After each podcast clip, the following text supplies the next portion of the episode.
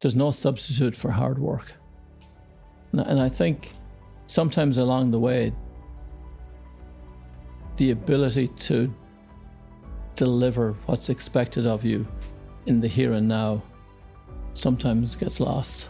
Like your job is, as you say, sometimes is to worry, sometimes it's to dream, sometimes it's to motivate, sometimes it's to provoke, sometimes it's to listen, oftentimes it's to learn.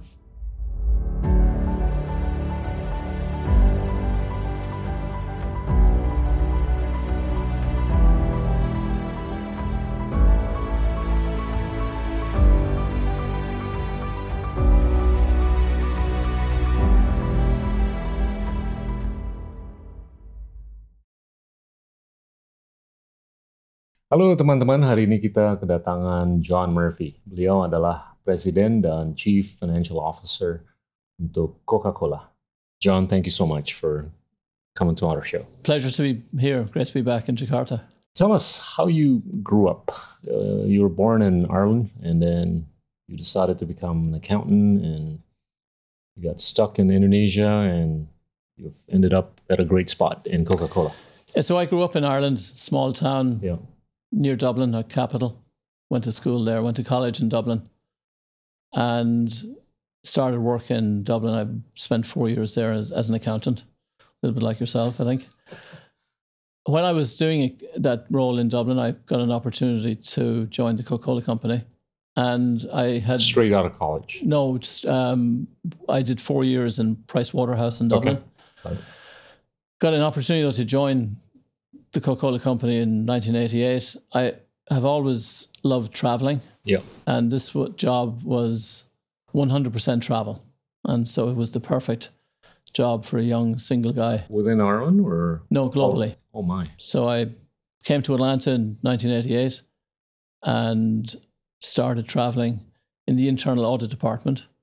For, and a long, it's a long story since then, a long journey, but went to Asia as part of that. And I was offered a position in Japan in the early 90s. And, and I really started then a, a much longer career in the company. And, and, and here we are. You spent time in Indonesia.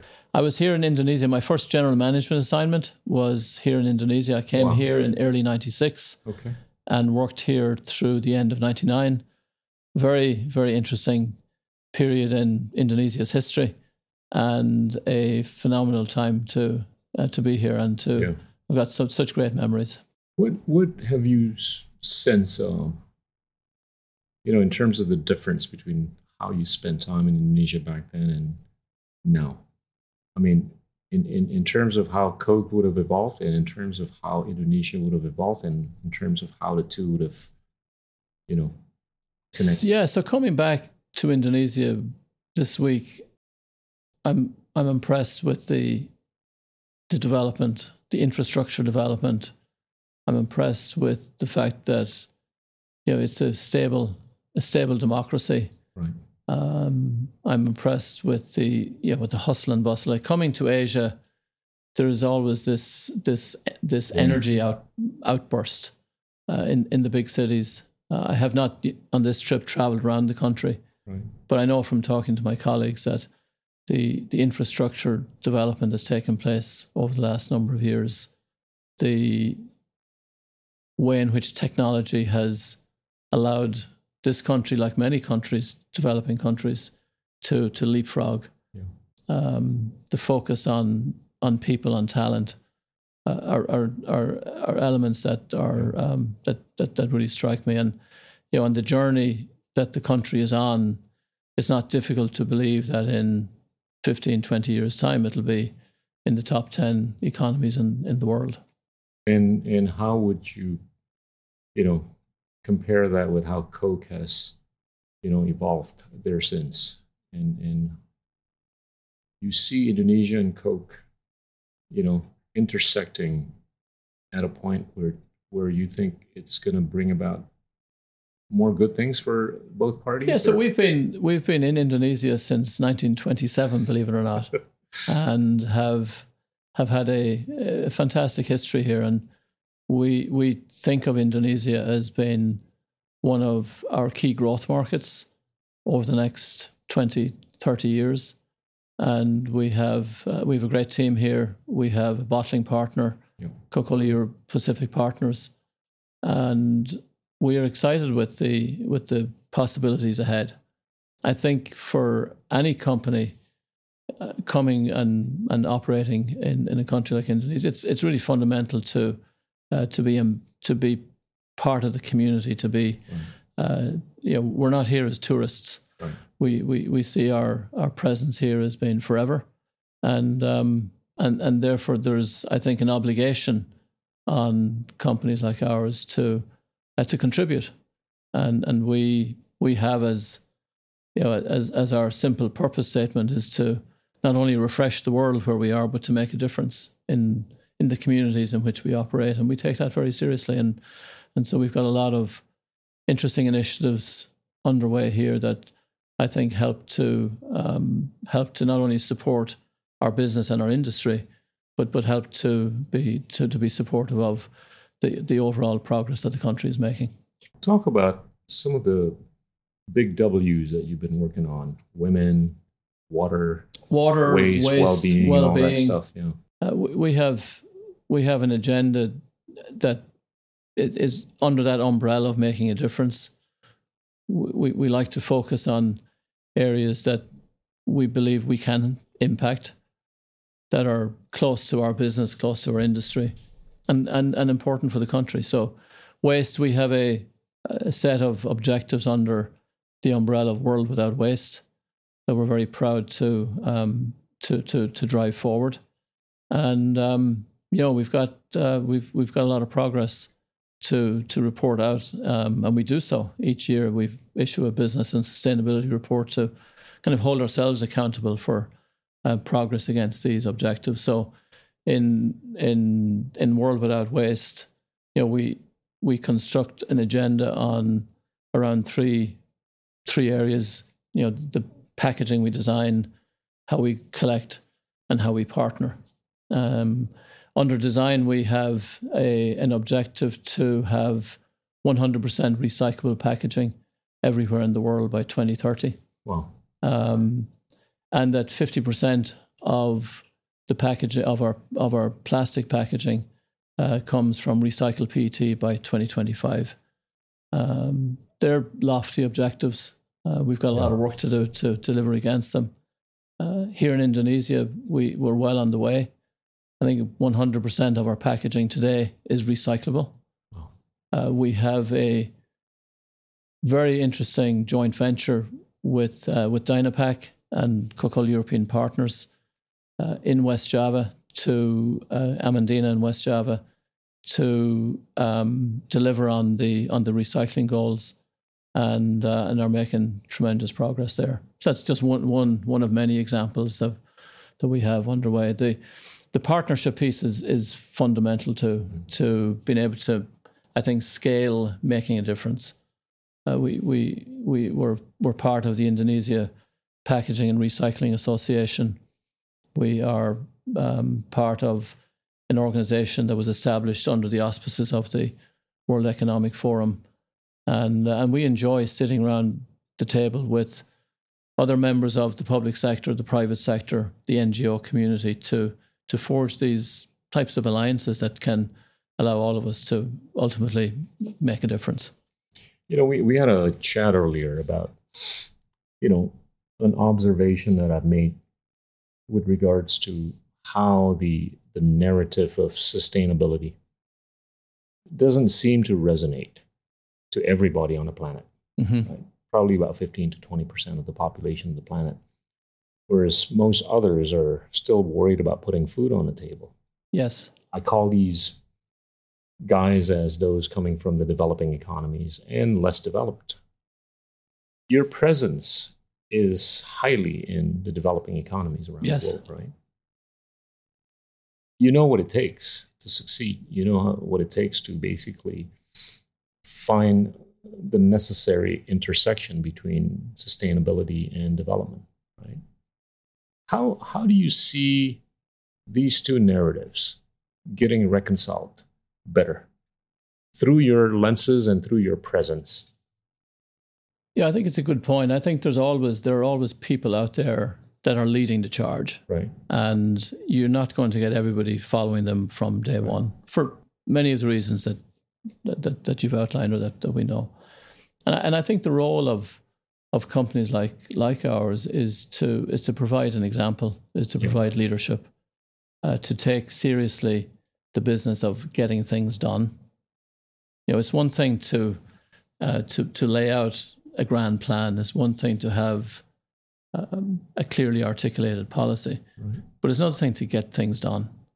And I think where where the private sector and where companies like ours in the private sector have both the opportunity and, and indeed a responsibility is to demonstrate that the getting things done part Right. is is what we're really good at. Yeah. And and so that's why I go back to the partnership piece. And you know, I, I've been involved in many initiatives working with the public sector, work, working with NGOs, and I think what we what we can bring to the table is that is, is that no nonsense. Okay, we've got a job to get done here, guys. Let's sit down and, and work out a game plan and who's going to do what and roll your sleeves up and, and get it done. Yeah.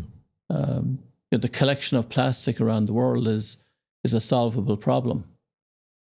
Sometimes I think we, we like to we like to think of it needs new technologies, it needs new solutions that need to be invented.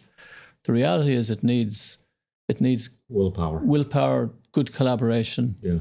uh, between public and private sector, and and we see examples around the world where when that's in place, it works. Yeah. And so our job, I think, is to is to continue to drive a focus on getting things done, um, not and not shying away from the hard work that that entails. Is there realism with respect to the world's being able to attain carbon neutrality in 2050? It's a difficult question to give you a yes or no answer. Yeah. I, I, I think the progress that's needed between now and then needs to be elevated. I think the path, if you look at just draw a straight line on the path that we're on, it's difficult to see how we're Yeah. going to get there. And so I, th- I think there's there's a need for the various players and that are on in, in the room uh, to to to elevate the getting stuff done piece over the next few years. And and again, I think that's where companies like ours have a an important role to play. Yeah. You know, our business and sustainability report is is a good example of Right. you know a transparent report card Yeah. of how we're doing, what what's going well, what's not, and and it certainly keeps us on our toes as we think about okay, how do we how do we elevate, how do we step change the progress in the next twelve months? And so I I I, I, I think it's a it, it's going to require uh, even greater, um, I think greater execution Yeah. by multiple players for for that objective be, to be delivered. I'm kind of hopeful that, you know, by way of your putting yourself in a position of leadership towards, you know, environmental friendliness, that position of leadership will rub off in a good way to the society and hopefully to the competitors too. Do you see that happening? we work with her. it's an area where we work closely with our competitors i, I, I don't think it's a th- these are areas that you know we we should be um, trying to outdo the other person Yeah. or the other company i think it's it's really important that as an industry we work closely together and we do in most parts of the world um, but i think the way you show up uh, the, the, the, the, the commit, not just having the commitment, but demonstrating that you're ready to roll your sleeves Right. up, get the, get the hard work done. I, I, I think the world always needs good examples Yeah. to be inspired and to, to want to kind of join the, Yeah. join the, the, the bandwagon. Uh, and I think companies like ours have the opportunity to, to provide that. I, I don't like to put ourselves on a pedestal to say that we're Yeah. You know we've we've got this figured out um, but I do like to be in the uh, in the spotlight because I think that companies with our scale and with our footprint uh, working cohesively with other partners, both sometimes our competitors, sometimes it's government, sometimes it's NGOs, uh, can actually make a difference. I'm going to just bring up this this really interesting data point from from a report I read from the, the Wood Mackenzie report, right, which talks about demand for fossil in the next call it two to three decades, right? It's it's plateauing. Mm-hmm. It's not declining. It's not rising. You know, it, it basically talks about how the decline for fossil, demand for fossil coming down from the automotive, but the demand for fossil coming from aviation still rises. Mm-hmm. Because I don't think you can fly across the ocean on an electric plane in the next decade or two. Maybe small planes, one island to another. Then demand for petrochemicals will also rise, right? It's startling in the sense that I would have thought that, you know, yes, we're talking about energy transition, but I just sense that there's not enough efforts towards renewabilities as to see that graph, you know, coming down in the next decade or two. Whether it's wrong or right, I don't know. But that's that's kind of like an observation that makes me think, wow, you know, what's what's going to help us attain carbon neutrality? Yeah, by 2050. Right? If if that's still going to be the case, I, I don't have the answer either as to you know that type of trend line going out. I, I, I think you you take it you take it on face value as directionally been being yeah. correct, but I think it doesn't uh, it does not prevent any of us today in taking measures that will help that trend line. Yeah. So, I, so there, there may well be external factors. There may well be um, drivers that will continue to present a, a headwind on yeah. the ability to get to, um, to, to, to, to carbon neutral. But it doesn't, it, it and doesn't and should not yeah. stop any one of us from getting involved in initiatives that we know will create tailwinds against those headwinds. And, and I think that's um, really important for, for all of us to, um, to keep in mind. Let's talk about the next W water. Water. What, what have you been busy with?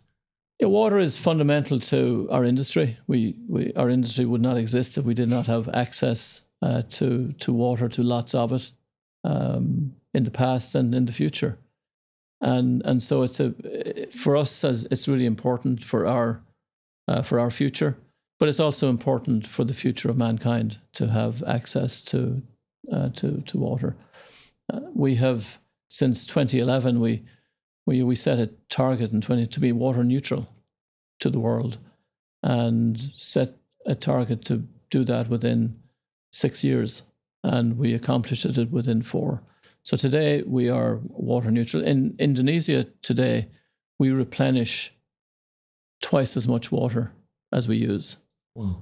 through investment in a series of, of, of watershed initiatives. We have a number of projects across the country working in partnership with the USAID uh, to build um, wells, infiltra- infiltration wells, to establish ponds that can capture rainwater and that can be used for agricultural purposes. Um, we have a very strong focus in our own operations to reduce the amount of water that we use.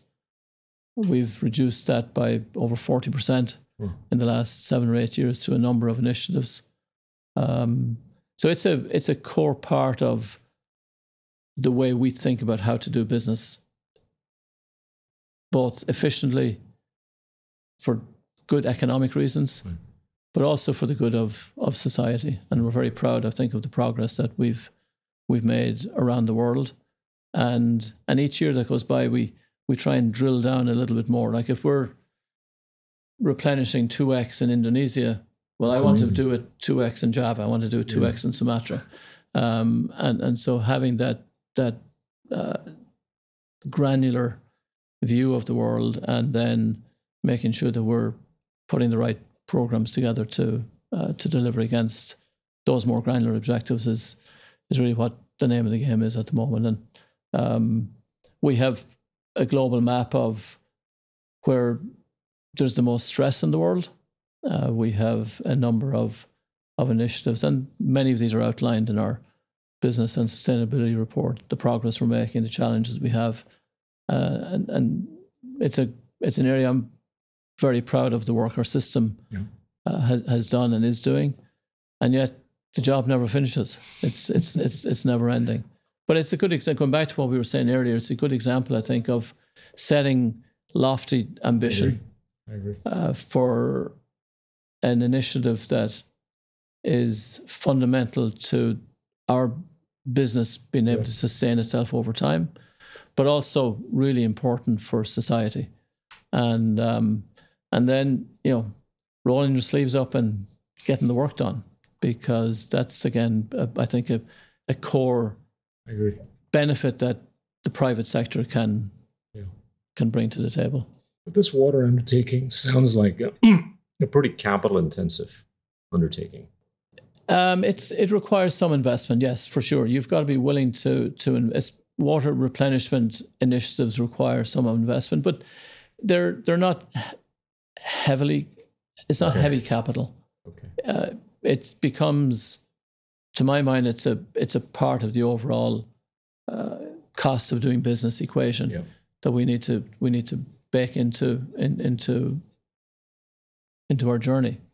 Um, so we don't. I don't really worry about the the the, the, the capital okay. intensive component of it.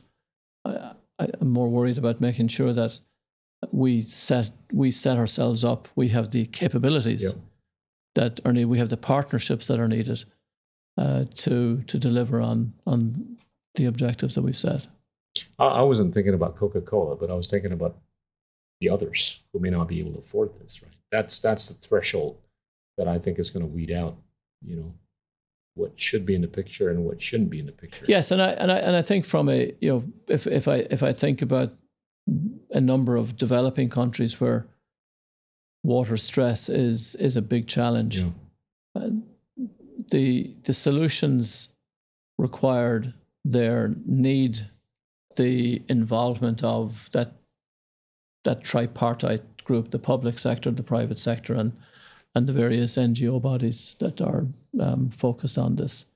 It it needs investment for sure, yeah. and and it needs it needs innovation. Yeah. You know, some of the some of the solutions that are required in some of these areas uh, will only will only come about with an ongoing investment in new technologies to uh, to deliver the the yeah. kind of results that we need. I mean, it's just kind of cool that you're you're showing proactivity from a corporate policy standpoint in the absence of any public policy that would have mandated you to do this, right? What you've done with the recycles and what you've done with the water and all that stuff. Yeah, I think I, I you know I think it's a you know for us it's it's a rational part of being being able to build a business out. You know, we've been in business for 136 years.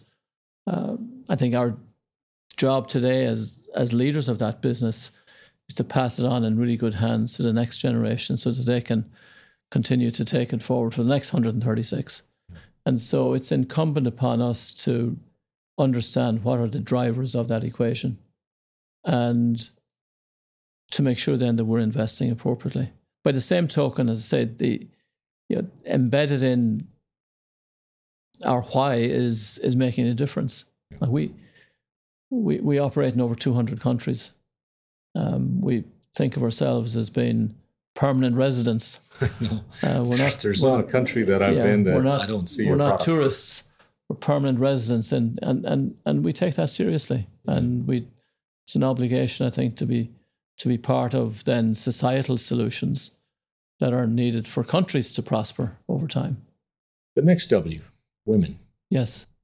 How do you see the role of women in Coca-Cola? Very, very important. Um, you know, it's a the the case for the case for women in leadership. We have an objective to have fifty percent of our leadership, operating leadership team, to be um, held by by women by, by 2030 and we're on a good path to get there. Where, are you at now? Uh, we are in the 30s Okay. At the moment, Almost there. and we're not far away. And we've got a tremendous pipeline of, of female talent around the world, Right. and are very invested in creating opportunities that will allow us to to deliver on on our on our ambition. Um, you know, when it's when half the world is, uh, is is at least half the world. I think it's slightly more than half the world is populated by women. When women form such a hugely important part of the decision making that allows the world to uh, to to tick along, it's only yeah, I think it's only natural that um, that they represent they have that representation when it comes to leading companies. You know, I've- I've been saying this a lot here, at least. You know, when when I was in school, the smartest were usually female in class, and I take a look at studies on return on equity, return on investment uh, within the private equity space or venture Yes. capital space. Those that are run by females yield the highest return. Yeah, like there's the business, the business cases, the examples out there are are plentiful, plentiful. And and again, it goes back to what I was saying earlier. I think then it's it you know it, it's it becomes it becomes then incumbent upon organizations to roll their sleeves up and and take action. Yeah. Um, you don't solve big problems overnight, but you can solve them with, um, I think, dedicated focus, with a disciplined course of action, with um, a desire to to get there. And, and I think we're on a good path, and and I look forward to seeing that path continue to get us towards that that that overall ambition. Maybe sooner sooner than twenty thirty. Yeah. okay, uh, here's this uh, next W or the last one well being. You know, some people see some of your products as not being very healthy, right? Yes. But how do you tackle that myth or perception? We have a portfolio of of products across the world that um, that deliver different benefits to to to people in different in different places. Uh, Today, almost thirty percent of our portfolio is either low calorie or, or no calorie. Uh, we we embrace the objectives of the World Health Organization. We're we're not we're not an organization that's um, asking for or expecting people to consume large quantities of um, of, of, of, of, of sugary drinks. Um, we have in place, I think, a lot of policies, a lot of actions to um, to educate people of, on on on healthy living, to innovate a portfolio of beverage solutions that offers choice of of of low no calorie to to people. Um, we have over the last seven or eight years substantially increased the portion sizes we we, we offer, um, and and as I say, we you know we have internally we have objectives to make available those solutions in a much broader basis around the world. So. Um, it's yeah, it's it's one of those areas where it's ongoing. Uh, we we have we have a tremendous focus on the, on the well being of of the world that we live in, and um, we're we're very dedicated to I say to creating that a portfolio of of of solutions um, that allow that to become reality. Is is it possible in in my lifetime to find a product that's going to be able to check off the box of joy and health? Just about everything I consume, everything anybody consumes.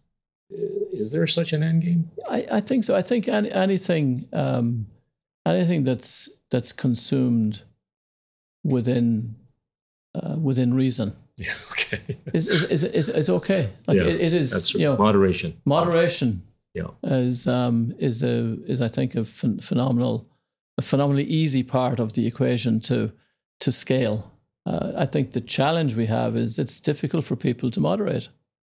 And so edu- that's why education, um, the, provi- the the ongoing provision of, of of choices that facilitate that moderation, uh, the ongoing um, availability of, of those choices are, are, are parts of of the solution. I, I remember when I used to have to walk into a, really intense meeting in my younger days. You know, I would have at least one or two glasses of Coke, so I get really pumped up. You know, I'll be ready for the presentation and stuff. that was that was sort of like Yeah. my SOP. Yeah. You know, standard operating procedure. Yeah, no, every, everybody uh, has their own, as you say, um, mo to get through, get through those moments.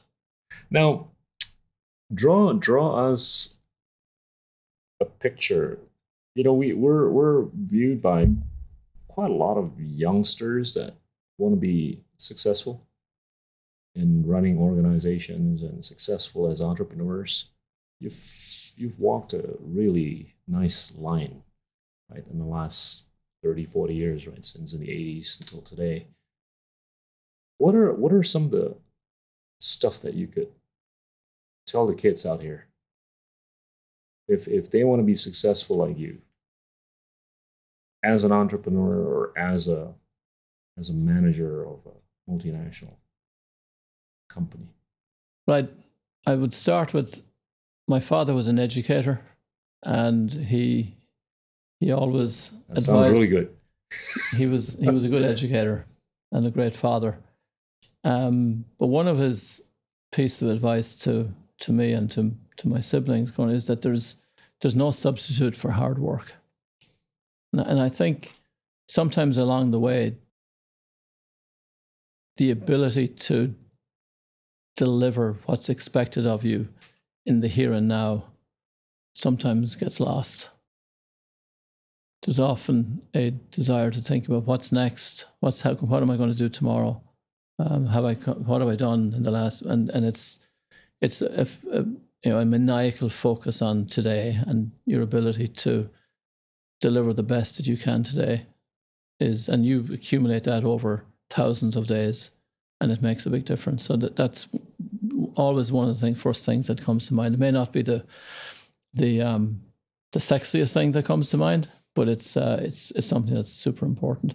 I, I think it's good for people to to dream a little. You know, there's the last time I the last time I asked them, you know, dreams don't cost anything. Yeah. It's one of the one of the few luxuries Yeah. in life that are free. I think it's great for people to dream, and each one of us has our own way of dreaming. And sometimes it's with a very specific ambition. Sometimes it's a little cloudier, a little murkier and and I think it's important for people to to have that as a sort of a guiding light to help them along the way. Um, I think building out along the way, along the journey, building out. We talked about it a little bit earlier, a portfolio of experiences and skills that over time accumulate to maybe differentiate you is really important. I, I, I don't early on. I, I don't think it's people should overthink them. Yeah.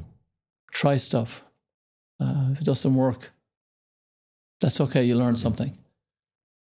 But I, I, I really believe in developing that a diverse set of skills. In my case, I've had the great benefit of working in many different parts of the world. Yeah. You know, when you work in That's a hell of a in a it's diverse. you know there's no substitute for uh, a good education and travel Yeah. learning how to operate in different cultures taking on different roles and responsibilities knowing that you could fail. Going into um, it's pretty sobering i think going into roles knowing that you know you've you're been given a great opportunity but there's no guarantee it'll work out. And so i think embracing early on that risk reward equation is is super important to develop the the the grit and the toughness internally that you need to deal with the curveballs that get thrown at you. Um, build, building it. I, I, I, the other piece I think is super important is building building over time networks. Most Yes. of the inflection moments in my life are as a direct result of relationships that I've that I've developed over time. I didn't develop them necessarily to create that moment, yeah. but when I look back on those moments, it's normally been somebody who's been um, key to facilitating it to happen. And so there's you can never have a big enough network. What would you advise to the young generation in terms of what they need to do when they face a, a crisis or like a failure? I'm sure you know things have not been too perfect for you. No, what, what, what are some of the things that you did that basically made you, you know, anti-fragile? It's it's a, it's it's always easy in hindsight to provide this advice right. because in the moment it doesn't yeah. you know you you don't necessarily have that wisdom. But I think being open to um, an environment, occasions where the risk of failure is is there, is is the first step. And I and I so I think it's almost conditioning yourself in advance. You know, you go into like I when I came to work in a country like Indonesia, you, you, you go in knowing that something's going to go wrong. Yeah. Uh, and so being being being comfortable that that is the case is is um, I think really important. When these moments happen, you actually it brings to it brings to the surface many of the of the past experience or yeah. the past moments that you've had, uh, and and and therefore it goes back to my earlier point is take advantage of operating, working in as many diverse situations as you can, because almost by osmosis, you'll you learn a lot more than you appreciate and realize. Um, any crisis that I've ever been involved in, you've got to have people who you can call, who you can, who can help you, advise you. Um, I think having building, and, and normally that means that you've got to have people you can trust. Yeah. And so, no matter what type of environment you're in, the power of building relationships and and having trust based relationships is, I, I think, is a really important ally when you go through moments of crisis. Um, I think as a leader, the more senior you become in an organization, the more humility that you bring along with you yeah. that communicates to others that you don't have all the answers is is a phenomenal yeah. asset to have in a crisis yeah. because it allows others to open up and, and give you the answers that perhaps you wouldn't otherwise get. I agree. Not not easy though. Not easy, not easy at all, and and I think that's you know on the journey to being to being a leader at scale, you go through many stages. Like I, I don't know of many people who have gone from, let's say, stage one to stage nine overnight. So I think the path that you follow goes back to my earlier point of a path that gives you exposure to different experiences you know, different relationships, different bosses, different teams. Uh, they accumulate over time. And so when you get to dealing with crises at scale or that, that affect many, yeah. I think those learnings along the way come into play. But you're never you're you're never ready. You're never 100% ready. Yeah. And and I think you always have to keep with you that that sense of of humility that you know something is going to come around the corner that you don't have the answer to. I, you know, you and I went to school at a time when we were taught that perfect competition was the coolest thing, right? Now, if I if I meet up with kids that are at the university, they're they're sort of like taught with a completely different paradigm or culture. It's it's a lot more cool to be a monopolist right? you know, I want to take this to your situation as a very dominant player in an industry, right? Talk talk about how you see. I mean, we we kind of talked about this earlier. How you see competition as being essential, as as opposed to you know being a duopolist or being a monopolist or whatever. So I'll tell you maybe an, an anecdote uh, on this on this topic. Uh, one of my prior roles in in my journey in the Coca-Cola company was to head up our strategy team and uh, corporate strategy team and a number of years ago. And at the time, we we tried to establish what are the key drivers of our industry growing either in line with the local economy, ahead of, or below. And so we we were able to identify those countries where the industry had developed ahead of the economy, which is not a which is which is right. quite a quite a over and that's over time, which which is quite a, a, a, an advantage to have if you're playing in that industry. And one of the, the key findings is that one of the main attributes for those countries where the industry had grown ahead of the economy was the strength of the competition. Mm. And so it has always it always stayed with me that even though on a a day to day basis or on a quarter to quarter basis, the, the the the competitive intensity that that you're dealing with, you would prefer to be maybe a little lower and ostensibly make your life a little bit easier. Over time, I think playing at that highest level of competition makes you better, makes you sharper, makes you tougher.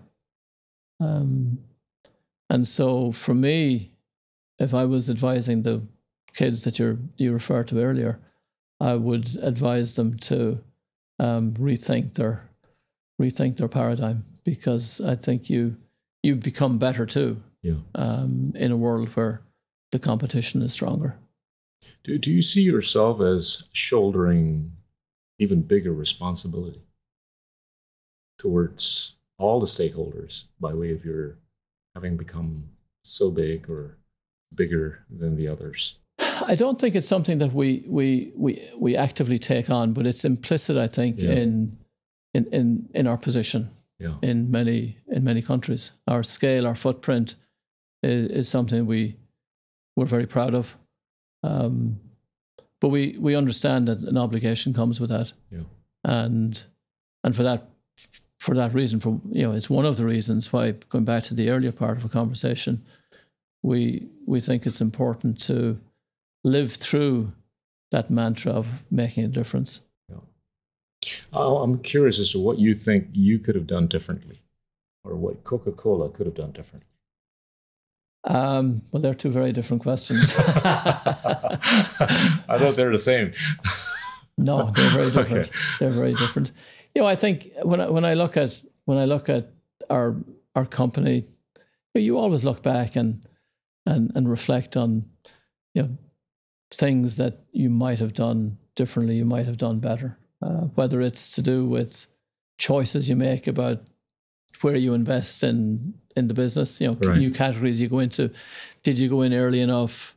Um, gosh, I'd love to have maybe gone into, I don't know, the coffee business 20 years ago in the United States, but we didn't. And so I, I, I think it's it is good to reflect back on the the choices that you make as a as a, as a company. And and and there's different i think different tiers of choice. Some of them some choices you make are pretty easy to um, kind of reverse. Right. Some are are not. And i think it's the and and so th- th- those that are not the material ones the ones that have that maybe frame the overall direction that you take as a company um, are the ones that you look back on and wonder whether you've always done it the right way, the best way. Um, and I think it's similarly as an individual. Like there's, you know, we we don't live.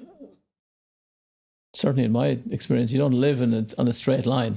You know, the you know life is a series of Yeah. of inflection moments. Mine, mine has always been like this, Yeah. you know.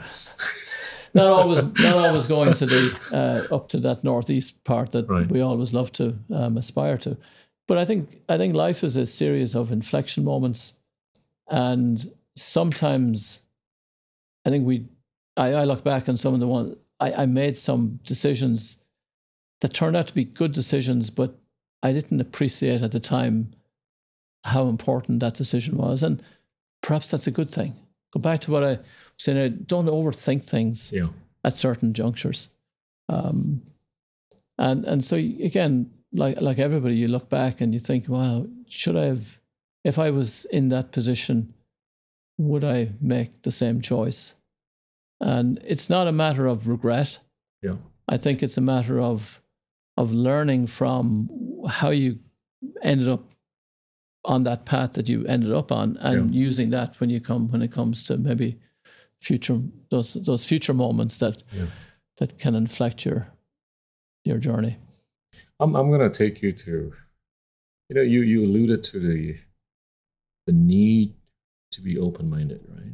We we sort of live in an era where technological disruptions are just happening Mhm. left and right, right? And we've seen great companies that would have been around for decades just disappear because of what I think the lack of open mindedness. Mhm.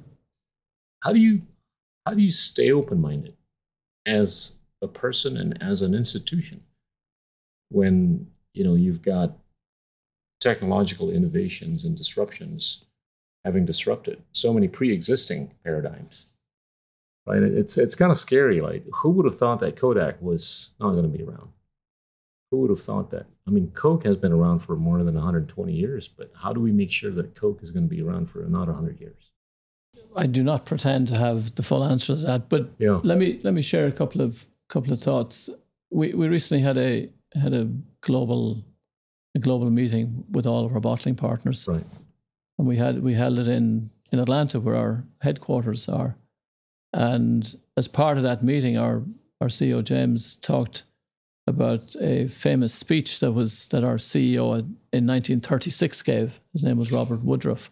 Robert Wo- Woodruff was um, was one of the founding fathers of the comp- Coca-Cola company as we know it today. His he, he was involved in the company for over 50 years and uh, and was arguably the person who built the foundations for the global footprint that we have today. Right. And in that speech, he he used a an expression that I think is very relevant to the question that he talked about. The world belongs to the discontented, and so I think part of what keeps us, and I think keeps many leaders on their toes today, is to stay is to stay discontented. I think when arrogance and complacency sets in.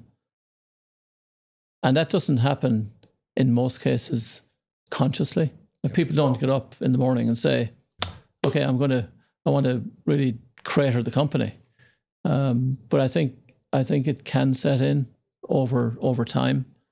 And, and so I think it's really important for leaders to sustain that mindset of being yeah discontent. And I think one of the ways you can do that is to stay curious. yeah You know, be be open to outside in provocations. You know, be open to the tough questions that you can't answer. And I think when you build that into your DNA, it's not a guarantee that you're going to be around for the next 136 years. But I think the probabilities improve. You know i've been telling you know students that you know it's it's kind of cool to have somebody who becomes a chief worry officer Yes, whose job is to be curious and to worry about what's in our blind spot I think it's the role that you know people who occupied senior leadership positions Right. in companies should have on their. res- I think it's a very nice way to describe what part of the role of a leader is. Like, I think I think a leader's role is is multidimensional. Yeah. Like your job is, as you say, sometimes is to worry, Yeah. sometimes it's to dream, sometimes it's to motivate, sometimes it's to provoke, Yeah. sometimes it's to listen. Oftentimes it's to learn. Um, because I think the way that leaders behave and operate tend to have a very, very strong impact on how others down in an organization do as well. John, I know you got to go, but I'm going to ask you the final question. What What do you think is a sensible end game for Coca Cola? I like to say that we are 136, 137 years young Right. and not old. And so I think if I if I think about an end game, I like to finish it with the word young and not old. That's a good one. Thank you so much Thank you. for your Pleasure. visit Enjoyed it. to this place and to Indonesia. Terima kasih banyak. Terima kasih. I still remember it. Thank, Thank you. Great. Teman-teman, itulah John Murphy, Presiden dan Chief Financial Officer dari Coca-Cola. Terima kasih. Inilah Endgame.